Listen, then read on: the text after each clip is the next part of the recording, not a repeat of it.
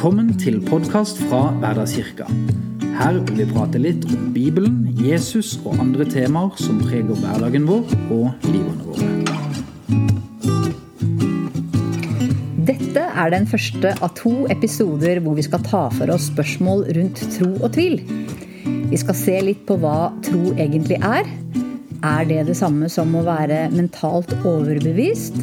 Betyr det at vi har svar på alle spørsmål og aldri tviler? Jeg heter Linn Byberg, og jeg har en del spørsmål. Og da er det perfekt å ha med seg Gunnleik Hofstad, som skal gjøre oss litt klokere. Tro må vel kunne sies å være noe av det viktigste i kristendommen.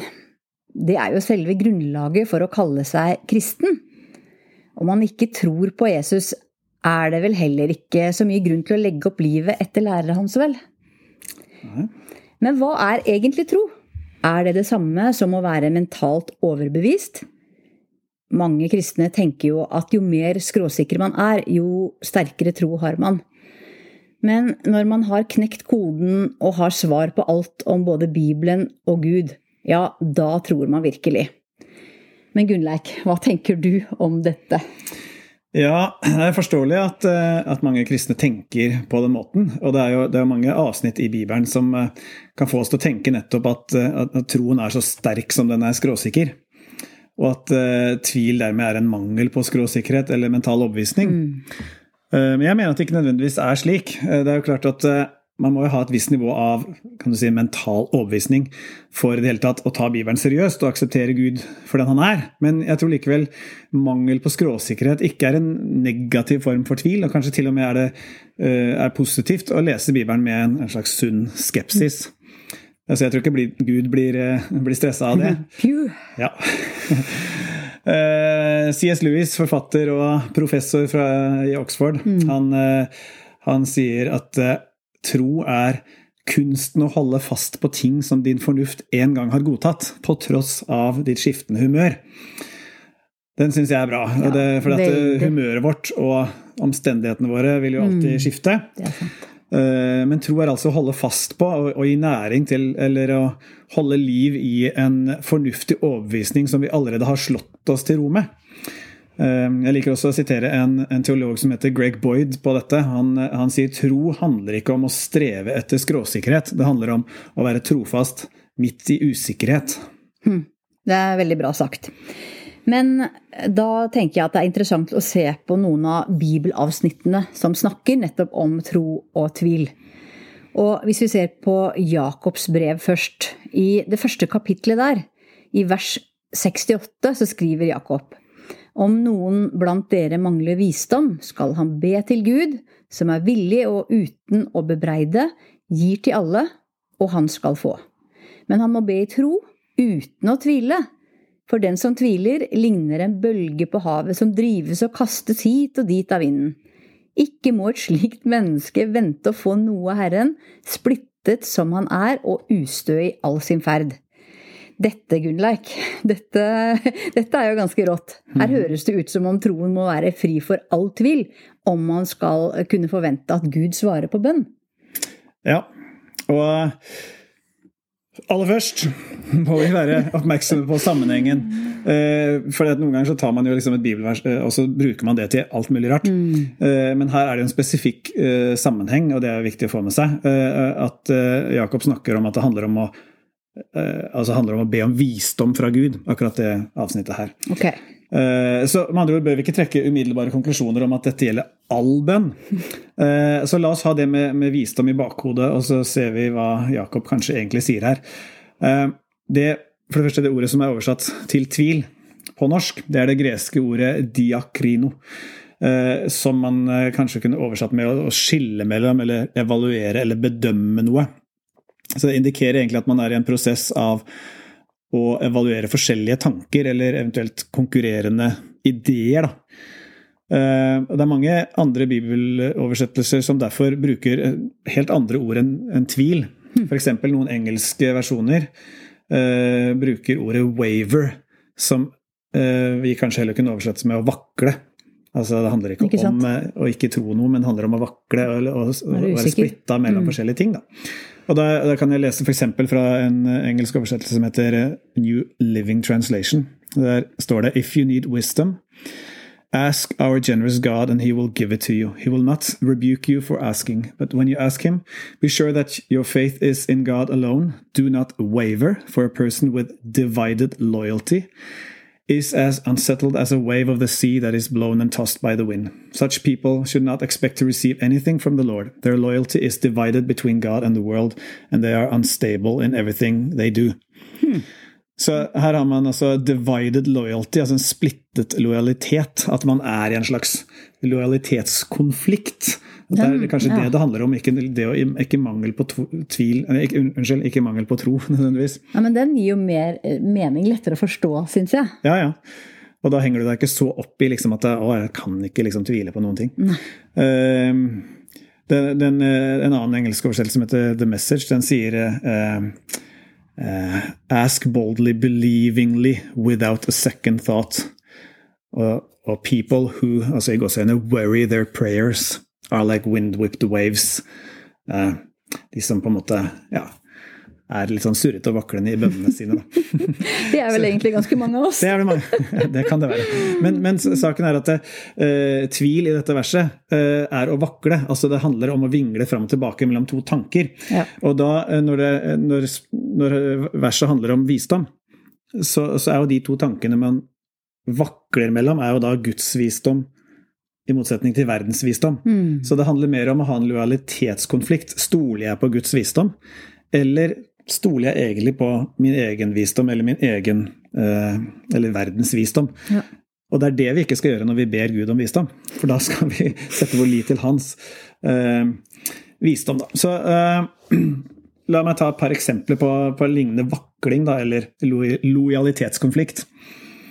Skal jeg jobbe overtid, som eh, sjefen min har bedt meg om, eller skal jeg se min sønns fotballkamp? Det er en lojalitetskonflikt. Det er, altså, det er ikke det at det ene er riktig, det andre er feil. Og, og, dermed så, så, har man lojalitet Hvor er jeg mest lojal? Ikke sant? Mm. Men så har du kanskje mer åpenbare eksempler som skal jeg være trofast mot kona mi, eller skal jeg stikke av med en ny dame? Jeg har svaret. Da har du svaret, ja.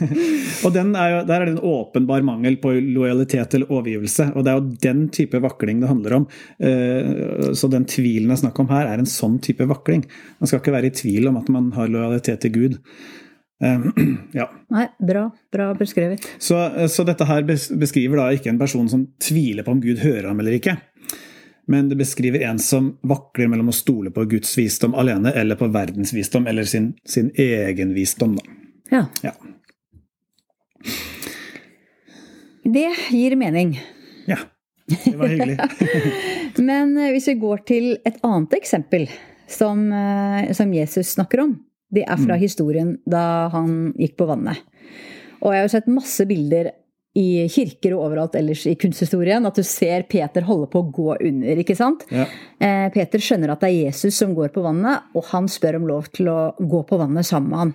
Og det går jo kjempefint i starten, men så skjærer det seg jo helt. Og det står det om i Matteus 14.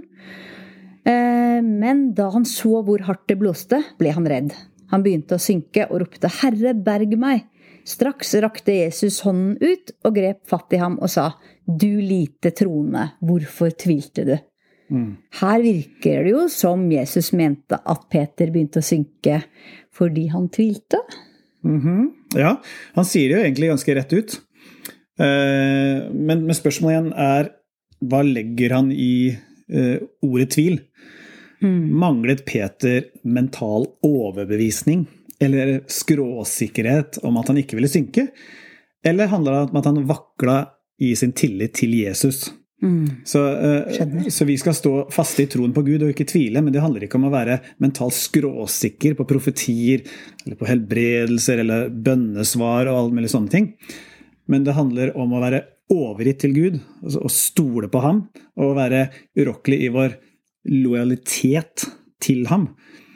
Uh, og leve da i en det vi kaller en paktsrelasjon med ham. Og en pakt er en livslang, ubrytelig avtale. Altså, det, det er som eh, ja, som et ekteskap er noe ja. annet enn en, eh, en, bare en kontrakt, kontrakt eller noe sånt. Men det er, det er, liksom Ok, dette her gjelder til en av oss dør, liksom. Mm. Og, og, og, sånn tenker jeg en pakt, paktrelasjon med Gud er at ja, nå har jeg gitt livet mitt til deg. Og selv de dagene hvor jeg ikke føler for det, eller de dagene jeg tviler eller liksom syns det er vanskelig, så har jeg fremdeles gitt livet til Gud. Samme som jeg er da gift med Lene. Og det er ikke sånn at hvis jeg våkner en morgen og bare jeg kjenner meg ikke så veldig gift i dag, eller jeg vet ikke om liksom, i dag er egentlig Lene litt teit, eller hva det nå er for noe, så, så, går jeg jo ikke fra henne for det. Jeg er overgitt til den relasjonen. Og det, det er jo på en måte det tro innebærer. Eh, å være overgitt til den relasjonen, og, og som C.S. Lewis sa, overgitt til den det du allerede har funnet ut før, er riktig. Og når du ikke føler det, så kan du likevel være trofast mot den tanken. Så Ja, det er, det er bra, bra, forklart. Jeg forstår det. Du forstår det. Ja, men det er jo litt kult Når selv Linn forstår det, da ja, må det ha vært enkelt. Nei. For noen av hver. Nei, men det er bra å gå inn i disse bibelversene som man kan stusse litt på. Og det er mm. bra å forklare dybden i det. Mm. Hvis du orker et eksempel til? Ja, men jeg skal bare si eh, bare et par ting før du eh, tar neste eksempel. Mm. Um, for det, det, med tro at det, at det handler ikke Eh, sånn som mange kristne og mange ganger tenker, at hva vår tanke kan utrette dersom vi bare er skråsikre. Bare, vi, må være, vi, må be, og så må vi være vite at det blir sånn, liksom. Men det handler om hva Gud kan gjøre om vi bare virkelig stoler på Han. Så, så, hvis tro er kan du si, lojalitet til den paktsrelasjonen til Gud, så er tvil mangel på den lojaliteten. Så jeg tror når det gjelder Peter, som vi om her nå, så tror jeg at Peters tvil var, var at han fokuserte på omstendighetene altså bølgene og stormen, og han glemte å stole på Jesus. Ikke det at han ikke var skråsikker på at han ikke ville synke. Ja. Nei. Jeg Så, kjenner meg igjen på det. Det er jo mm. mer fokuset som endrer seg når vi havner i sånne situasjoner at vi Ja. ja. Mm. Eh, men et eksempel til. Ja. Markus 11 eh, og vers 24, der står det Alt dere ber om i bønnene deres, tro at dere har fått det, og dere skal få det. Ja. Og her skal vi da ikke altså bare tro at vi kommer til å svare, få svar på bønnene våre, men vi skal tro at vi allerede har fått det. Ja. Den føler jeg også at du trenger å si noe om. ok. Uh, ja, og, og, dette er jo på en måte et ganske godt argument for at tro ikke kan være det samme som mental overbevisning eller skråsikkerhet. Jeg kan, jeg kan ikke forestille meg at Jesus mener at vi skal overbevise oss selv om at vi faktisk har det vi ber om, selv om vi ikke har det nå. Nei. Altså Skal vi innbille oss at vi er friske selv om termometeret viser feber? No, no, no, no. skal vi stå opp om morgenen og gå til en arbeidsplass der vi ennå ikke er ansatt fordi vi har bedt om en jobb? Please, not. skal vi altså lure oss selv, eller lyve for oss selv? Så, så, så det Jesus sier, blir også en slags selvmotsigelse, om vi skulle tolke det slik. For hvis vi, hvis vi virkelig trodde vi hadde det, da hadde vi jo ikke bedt om det. Nei, da hadde vi jo bare takket sant. for mm, bønnesvaret. Mm, mm. Så det, det, gir jo ikke noe mening å be om noe man faktisk er overbevist om at man tror, eller man, tror man har det. Så, øh, og i tillegg så gir jo på en måte Jesus mange andre ganger et, ja, Kall det betingelser, da, hvis vi setter gåseøye på betingelser, øh, for bønnesvar. Han uh, sier at både utholdenhet, altså hvor lenge vi ber, hvor mange som ber sammen, om vi ber etter Guds vilje, alle disse tingene. Uh, mange forskjellige ting som Jesus sier bare dere gjør det, så får dere bønnesvar. Bare gjør det, så får dere bønnesvar. ikke sant? Mm. Uh, så, så, hvis vi da legger til menneskers frie vilje, som Gud selvsagt tar hensyn til, så er på en måte en, altså en 100 sikkerhet på resultatet av bønnene våre er jo helt umulig. Det, det, gir jo ingen mening. Nei, altså, vi kan jo ikke be uh, for, for, et eller annet som skal skje med en person hvis eh, det, det går imot deres frie vilje, f.eks. Altså, bønn kan aldri fungere 100 det, det er ikke mulig, for at eh, Gud har så mange forhold han skal ta hensyn til for å innfri. Så vi kan aldri være 100% skråsikre på et bønnesvar. Så når, når Jesus sier da 'tro at dere har fått det', så tenker jeg at det, det kan ikke være ment å tolke bokstavelig, men, men, som en, en overdrivelse. Og det, det, kan høres litt sånn rart ut, liksom, at jeg driver Jesus med, med overdrivelse, liksom. Eh, for vi tenker liksom, hvis Jesus sier det, da må det jo være akkurat sånn. Mm. Men overdrivelse eh, var faktisk en veldig vanlig eh, eh Altså som et stilistisk virkemiddel i jødisk kultur. vi bruker det, vi òg. Mm. Altså, vi sier jo har jeg ikke sagt det en million ganger at vi, sånn og sånn skal det mm. gjøres? ikke sant? Det er sikkert det du sier til alle de som jobber på Larsen og Poppa og sånn. Ja. Jeg sier det til Geir, og senest i går kveld så sa han ja. ja, Tusen millioner takk! Å ja, intet mindre i dag. Nei. Det er som regel sånn det går. Ja. Og, det, og, og, når vi sier at vi har sagt noe en million ganger, så vet vi at vi har selvfølgelig ikke gjort det. Men det er bare, det er bare det er et antydning på liksom, at her har vi sagt det veldig mye. Uh, og, og, La oss ta et eksempel Jesus, uh, fra Jesus, hvor han åpenbart bruker en overdrivelse. Altså, I Lukas uh, kapittel 14 vers 26 så sier han om noen kommer til meg og ikke hater sine barn og brødre og søstre, ja, også sitt eget liv, da kan han ikke være min disippel. Mm. Så vet vi jo at Jesus ikke vil vi skal hate noen. Men han sier at det, det, viktigste du gjør i hele verden, er å elske din neste. Så vi vet at dette, han mener ikke at vi skal hate noen. Så det er åpenbart en overdrivelse for å forklare viktigheten av noen. Eh, den er så åpenbar at hvis du hadde tatt den nyeste bibeloversettelsen fra 2011, og mange andre også, så jukser de litt i oversettelsen, og så sier de ikke setter dette høyere enn brødre og søstre. De har liksom retta opp litt. For, ja.